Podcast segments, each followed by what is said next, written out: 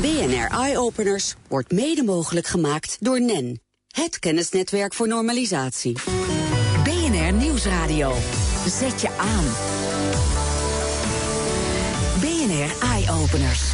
We bestellen met z'n allen steeds meer pakketjes en laten zelfs onze dagelijkse boodschappen tot aan de voordeur brengen. Dat is leuk voor de webshops, minder leuk voor de leefbaarheid in de binnenstad. Welke innovaties zijn er nodig om volledige verstopping te voorkomen? Meindert Schut. Daar gaan we het over hebben vandaag met onze gasten... Uh, die allemaal veel te maken hebben met mobiliteit rondom en in de stad. We beginnen met uh, Walter Ploos van Amstel, lector City Logistics aan de Hogeschool van Amsterdam... en Ger Baron, hoofd techniek bij de gemeente Amsterdam. Welkom heren, leuk dat jullie er zijn. Uh, om te beginnen bij jou, Walter. Hoe urgent is het om iets te vinden op die stroom aan goederen die onze stad binnenkomen? Het is super urgent. Wat we gezien hebben is een enorme toename van bestelbusjes in steden. Op dit moment gaat 85% van het vrachtverkeer met zo'n bestelbusje. Zien iedere woonwijk, woonstraat 12 tot 15 pakketdiensten nu iedere dag komen. En dat explodeert met allerlei zaken, nu levensmiddelen. Want iedere levensmiddelenbedrijf, Albert Heijn, Jumbo, Picnic, doet het in zijn uppie. We gaan naar 30 tot 50 bestelbusjes per dag. Ook op een zondag, ook op een zaterdag. Ja, we vinden het makkelijk, hè?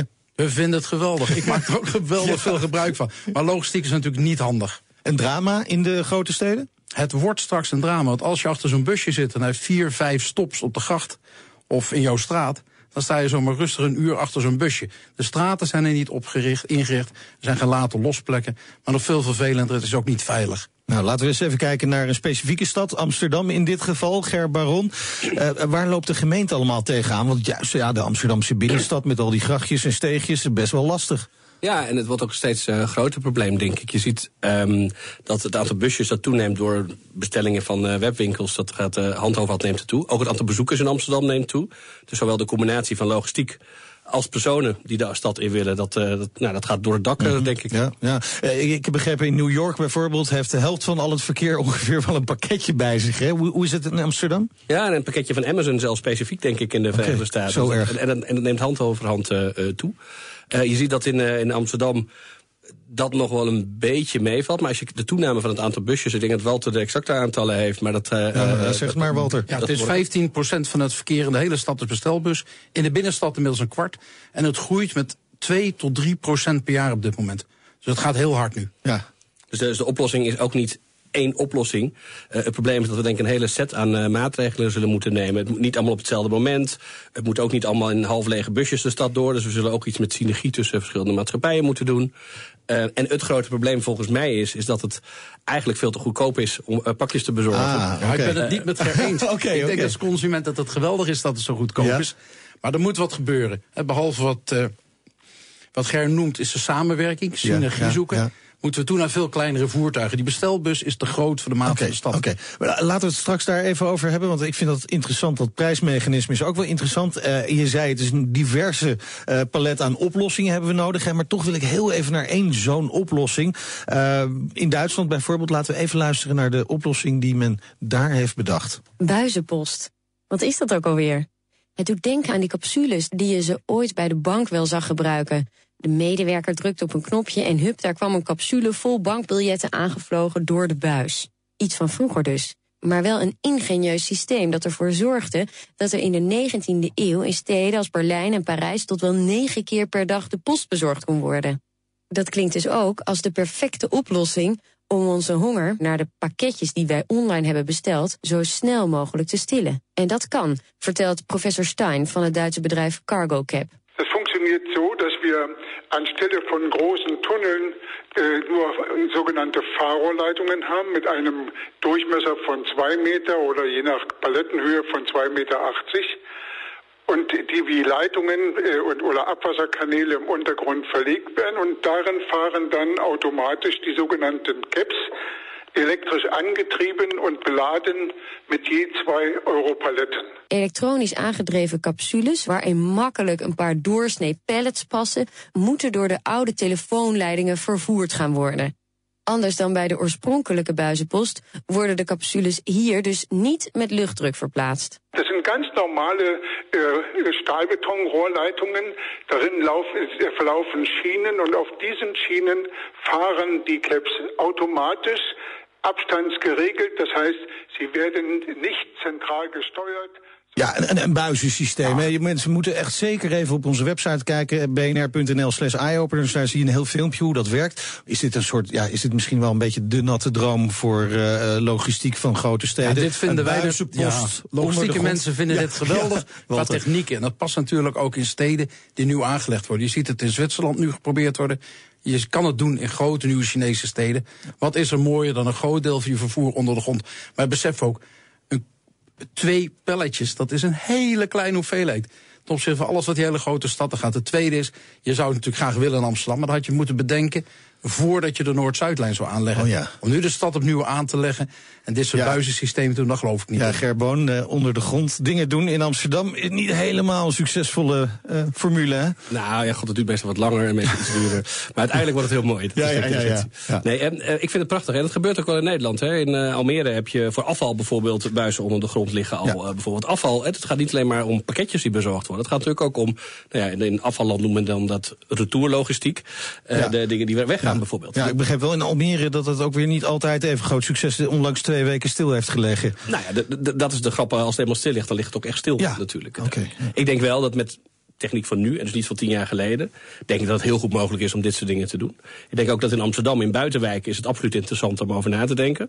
Op de grachten moet je hier denk ik niet over na willen denken. Nee. Maar je zou je heel goed kunnen voorstellen dat je, dat je uh, onder de grond buizen maakt waarin je zowel heen als terug uh, ja. uh, afval en pakketjes uh, ja. transporteert. Dus dat is een, een van de vele oplossingen, Walter. als jij naar de stad Amsterdam kijkt, wat, waar zou je allemaal nog meer aan denken? Als allereerst samenwerking. De tweede inzet op veel innovatievere voertuigen. Ja, samenwerking, zijn... heel even samenwerking. samenwerking dat is nog geen dat... technologie, hè? Dat is gewoon... Nou, dat vergt wel dat je informatiesystemen met elkaar kunnen okay. communiceren. Leuk initiatief van Amsterdam is het bedrijf Buurtmus.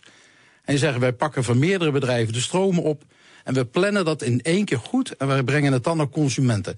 Ja. Dat is goed, dat doet een bedrijf MyPub met pakjes. Het is heel innovatief om die data real-time met elkaar te knopen.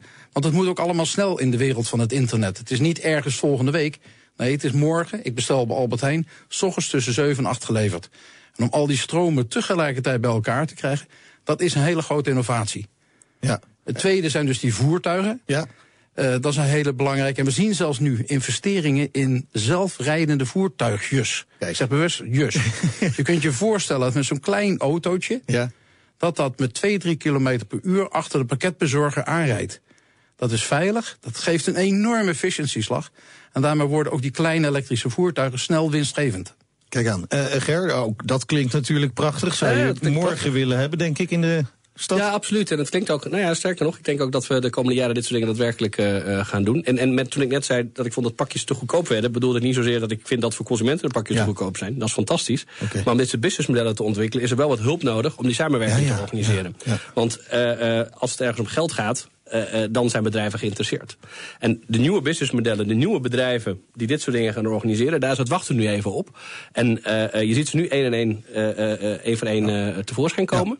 En, en de, de grap is nu, als we nu eenmaal schaal gaan maken, dan ga je zo meteen partijen krijgen die uh, hier het verschil gaan Nou ja, maken. we zien dus Uber Cargo in andere gebieden in de wereld. Maar die hebben natuurlijk eerst gekozen voor groeimarkten Ja. als Oost-Azië, eh, het Verre Oosten. Zeer succesvol zijn in dat soort pakketleveringen bundelen. Er is ook een bedrijf GoGoVan, wat in Hongkong actief is, dat 18.000 bestelbusjes met elkaar qua systemen verbindt. Dat is verrekt Ja. innovatief. Ja, je noemde net al, hè, er zijn gewoon ontzettend veel aanbieders van pakketjes. Dat zou je in de stad willen reguleren, eh, kan ik me zo voorstellen. Is het ook niet gewoon een idee dat gewoon Amsterdam zijn eigen bezorgdienst gaat opzetten? Als een soort uh, utility, een bezorgdienst. Ja, die tot aan de stadsgrenzen en verder nemen Ja, wij het over. Ik sommige steden doen dat. Hè. In, uh, in Lyon is dat bijvoorbeeld een hele buurt uh, waar het op die manier nu uh, plaatsvindt. Ik denk niet helemaal dat het in de aard van Amsterdam ligt om te zeggen... we gaan een stedelijk bedrijf beginnen om de logistiek te doen.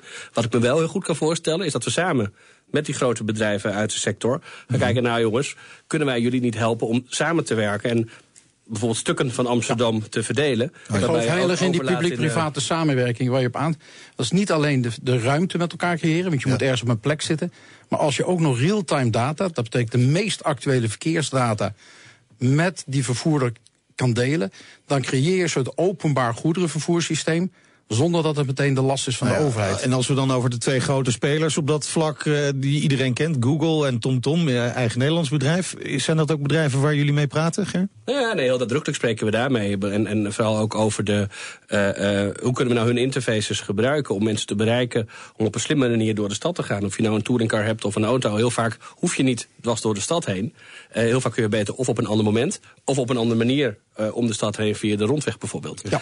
En, en wat we niet willen als stad is eigen applicaties maken. Wat wij graag willen is de platformen die, die gebruikt worden door Amsterdammers en bezoekers van Amsterdam. Hoe kunnen we daar nou op inspelen? Zodat mensen niet een speciaal een Amsterdam-app hoeven te downloaden. Maar gewoon daarmee kunnen. Heren, tot slot, want we zijn al door het eerste kwartier heen. Zo snel gaat het hier. Maar eh, kunnen we zeggen dat het, het probleem begint nijpend te worden, maar de oplossingen lijken ook wel voor de hand te liggen? Technisch zijn de oplossingen er. Sociale innovatie is de grootste blokkade op dit moment. Sociale innovatie is de grootste blokkade. Ger eh, Baron, daarmee eens? Ik denk dat het ook eh, wacht is op een paar ondernemers die echt het verschil gaan maken. Oké, mooie oproep zo eh, aan het einde van dit eerste kwartier van Eye-Openers. Hartelijk dank Walter Ploos van Amstel, lector City Logistics aan de Hogeschool van Amsterdam en Ger Baron van de gemeente Amsterdam. En zometeen praten we verder over de verstopping van de stad met Henk van Raan van de Amsterdam Arena en Ronald Adams van Rijkswaterstaat. BNR Nieuwsradio. Zet je aan. BNR Eye-Openers. De verstopping van steden, daar hebben we het eh, vandaag over. Welke innovaties zijn nodig om de stad van de toekomst leefbaar te houden? En we gebruikten net al Amsterdam als voorbeeld. En daar blijven we maar even bij, want we gaan eh, verder praten over dit onderwerp met Henk van Raan van de Amsterdam Arena, het voetbalstadion. Ehm, ja, jullie hebben op allerlei vlakken te maken met mobiliteit. Mensenstroom natuurlijk, veel eh, bezoekers die naar het stadion komen, maar ook enorme stroom aan goederen. Ik denk alleen al aan de hamburgers en friet die daar worden genuttigd en de biertjes. Ehm, en jullie denken over oplossingen voor die goederenstroom. En welke oplossingen denken jullie bijvoorbeeld? Nou ja, waar wij aan denken is om eh, te kijken hoe wij die eh, goederenstromen die van en naar de arena komen en eh, in het gebied komen, hoe we dat eh, beter kunnen coördineren.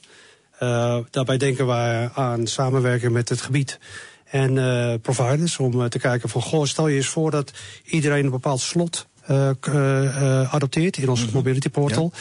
En daar, eh zal ik maar zeggen, in die slot een, eh, een slot koopt en eh, bepaalt dat die, wat die komt brengen. Stel je eens voor dat dat allemaal gebundeld wordt. Ja. Dat via een overslag al die goederen in één vrachtwagen aan komt rijden. Zou natuurlijk veel veiliger zijn en veel efficiënter zijn. Want hoeveel vrachtwagens komen er nu dan bij de Amsterdam Arena? Nou, dat is eh, afhankelijk van een evenementsdag of, of een uh, doordeweekse dag. Maar ik denk dat zo'n 100 vrachtwagens per dag bij ons in en uit gaan. 100 per Ja, dag. en die komen allemaal een pakketje brengen. naar hoeveel? Ja, die komen een pakketje brengen, die komen Ja. eh, goederen brengen. En dat is dus niet gecoördineerd. En wij denken dus dat dat beter kan. Zeker als, het, eh, als wij afspraken kunnen maken met Ja. onze buren en onze omgeving. Ja, en dan kun je het terugbrengen naar inderdaad één vrachtwagen. Nou ja, wij, zitten te denken. Stel je eens voor dat je dat, eh, dat je dat bundelt en dat je dat in één vrachtwagen kan stoppen. Ja. En dat bijvoorbeeld in de avond in- of in de nacht wordt bezorgd. Waarmee je overlast eh, wegneemt voor de mensen. En dat zou natuurlijk veel efficiënter zijn. Ja, maar dan heb ik ook begrepen dat jullie ook nadenken over een manier om de grondstoffen die jullie in de arena hebben, om die gewoon zelf te verwerken. Nou ja, kijk, als je kijkt naar de circulaire, circulaire economie, hè, de daar cradle to komt het op cradle neer dan. approach. Ja. Eh, waar wij heel erg eh, naar op zoek zijn van, goh, stel je eens voor dat je de grondstoffen die wij hebben in, eh, in Zuidoost, dat je die in Zuidoost houdt. Ja. En dat je die niet het gebied uitvoert, maar dat je die in het gebied laat zijn. Dus stel je eens voor dat je dus via eh, eh, 3D printen je nieuwe, je nieuwe producten zou kunnen maken. Een stadionstoeltje. Bijvoorbeeld, Bijvoorbeeld. hè, waar wij aan denken is bijvoorbeeld, wij praten samen met de HVA. We hebben zo'n 80 kuub grondstoffen straks als wij de stadionstoeltjes gaan vervangen. En stel je voor dat je je eigen fabriek lokaal zou hebben. Ja. Waarmee je middels 3D printen een nieuw stoeltje zou kunnen maken. Of straatmeubelen voor Zuidoost zou kunnen maken. Hoe cool is dat? Dat scheelt ontzettend veel bewegingen in en uit. En ik denk dat de innovaties vandaag de dag het lokaal produceren mogelijk gaat maken. Ja, ik zie het al helemaal gebeuren. Eh stadionstoeltjes eh, vanuit die bierglazen. Of niet wegwerpglazen. Nou ja, Wie ik- weet wat het allemaal kan. idee, helemaal geen gek Nou idee. ja, zo hè, breng ik je ook nog op een idee. Maar de- dat is een van die dingen. We hadden het net over buizenpost. Hè, want je, je bent al bezig met kijken van... kunnen we nou al die goederen in één eh, vrachtwagen of misschien twee... Dat, dat doet er niet zoveel toe. Maar in ieder geval minder. Eh, zo'n buizenpost. Gewoon lekker zo'n buis die in de arena terechtkomt. Nou ja, dat werd net ook al even gezegd. Zo'n buizenpost is, is natuurlijk een eh, forse investering. Het zou veel eh mooier zijn als je dat in het begin van zo'n ontwikkeling meeneemt. Eh, Ik weet niet of buizenpost de oplossing is. Ik denk dat het om een palet van maatregelen gaat. Dus wellicht is er ook een plek voor buizenpost. Maar wat voor mij volgens mij om gaat, is een stukje visie en een stuk draagvlak in een gebied. Nou ja, daar komen we eigenlijk op wat uh, Walter Ploos van Amstel net zei. Hè, van de, de technische oplossingen zijn er wel. Alleen die sociale innovatie, daar zitten we nog op te wachten. Klopt. Is het veel praten, weinig actie? Nou ja, dat is dus ook de uitdaging waar wij voor staan. En, en, daar, en, daar, is het ook wel belangrijk dat je zichtbaarheid creëert in een omgeving. En dat je ook kiest voor een omgeving met enige schaal. En dat je ook daar met partijen die zeggen, we gaan het echt ja, doen. Ja. En ik denk dat dat de, de, de, de geloofwaardigheid ook met de, de, de lessons learned... Ja. Uh, produceert die je echt nodig hebt om dit verder te brengen. Ja. Als het gaat om uh, pakketjes bezorgen, dan is uh, de weg natuurlijk ook nog steeds ontzettend belangrijk. Haarvaten in de steden. Waar in Nederland uitgebreid naar wordt gekeken, is hoe die, die huidige wegen en auto's zo kunnen aanpassen dat het probleem minder groot wordt. Door bijvoorbeeld onze stoplichten, stoplichten slimmer te maken. Ronald Adams, jij houdt je voor Rijkswaterstaat bezig met de praktijk praktijkproef Amsterdam. Welke intelligente technieken testen jullie allemaal? Ja, en niet alleen voor Rijkswaterstaat, hè, want het okay. werd net al genoemd. Samenwerking is cruciaal. Uh, de praktijkproef Amsterdam is een initiatief van het ministerie van INM. Maar mm. we werken nadrukkelijk samen met de gemeente Amsterdam, met de provincie Noord-Holland, met de stadsregio hier, met, weten, met de wetenschap, hè, de technische universiteiten, maar ook met private partijen. En wat wij doen, is inderdaad het uittesten van innovaties, zowel in de auto. Hè, de auto kan steeds meer. We zien ja. steeds meer slimme oplossingen ook in de auto. En innovaties langs de weg. Dus bijvoorbeeld kunnen we verkeerslichten geautomatiseerd laten regelen. Waardoor we het verkeer beter spreiden over het netwerk. Waardoor we minder files krijgen of helemaal geen files. Ja. En het blijkt dat ondanks het feit dat het steeds drukker wordt er nog altijd mogelijkheden zijn om ook het bestaande wegennet beter te, te benutten. benutten. Kijk, dat Absoluut. is in ieder geval een positief uh, nieuwtje, deze uitzending. Maar uh, waarom is Amsterdam zo'n geschikte proeftuin voor dit soort technieken? Nou, ik denk om een aantal redenen. Ik denk als het in Amsterdam kan, dan kan het eigenlijk in principe in elke stad in de wereld. Wat interessant is aan het Nederlandse wegennet, is dat nergens in de wereld de wegen zo intensief benut worden als in Nederland. Daarom wil onze minister, maar willen ook de bestuurders hier in de regio heel graag proeven doen met innovaties, omdat juist in Nederland we in staat zijn om dat op een goede manier uit te testen, te kijken wat de effecten ervan zijn. En als er positieve effecten zijn, het dan op andere plekken ook uit gaan rollen, zowel in het binnen- als in het buitenland zou wat zijn, hè, Henk van Raan, bij de Amsterdamse Arena. Uh, ik weet, u bent er vast wel eens geweest uh, met een wedstrijd. Uh, en als je dan langs de A2 rijdt, dan kom je er nauwelijks langs.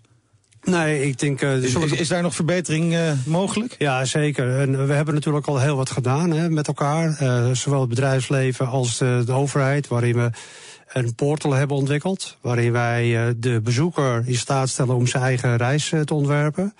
En daarin proberen wij het aanbod zo, zo gunstig mogelijk te maken als het gaat om de CO2-uitstoot. Mm -hmm. Dus als, als je zo'n platform ontwikkelt en je nodigt de bezoeker uit om de meest uh, gunstige reis uh, te ontwerpen. En waardoor uh, real, met, met behulp van real-time data en informatie de, de, de bezoeker naar zijn stoel wordt genavigeerd. Ja ja, dan, dan is een ongelofelijke ervaring uh, daarbij snel geregeld. Ronald Adams? Nou ja, dat is juist een van de dingen waarin wij vanuit de praktijkproef Amsterdam ook samenwerken met de Arena. He, ja. Een van de dingen die uit de eerste fase van de PPA naar voren is gekomen, is juist die innovatieve ontwikkeling rond de Mobility Portal, waar de partijen die bij ons actief zijn geweest nu die lijn doortrekken met de Arena.